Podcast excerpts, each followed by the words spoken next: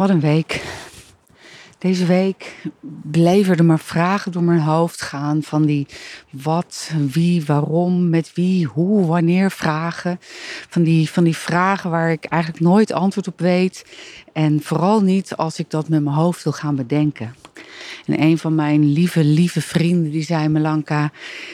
ehm, je moet het ook niet met die 20% doen die daar in die bovenkamer zit, maar met die andere 80%. Dat lijf wat daaronder zit, dat, dat, dat eigenlijk dat niet weten, niet nadenken, niet willen begrijpen stuk. En ehm, dat, dat is altijd makkelijker gezegd dan gedaan. Tot ik eh, afgelopen vrijdag bij een concert was van Wende Snijders. En ehm, in Den Haag in het paard met lieve vrienden. En god, ik zag daar die vrouw staan die daar haar hart, haar ziel en haar hele zaligheid naar buiten kotste.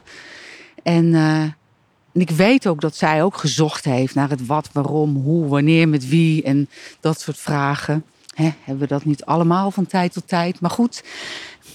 En zij stond daar en ik dacht, ja, oh ja, oh ja.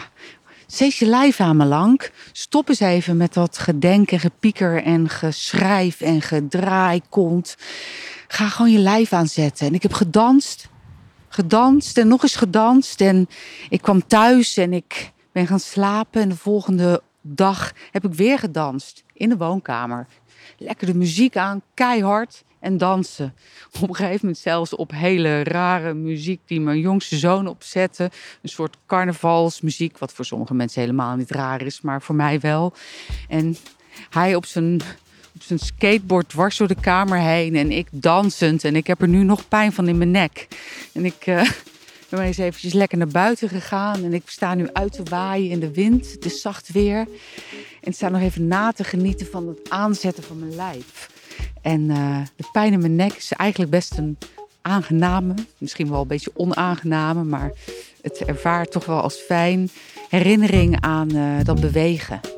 Dus uh, yes, ik ben er weer, bewegend.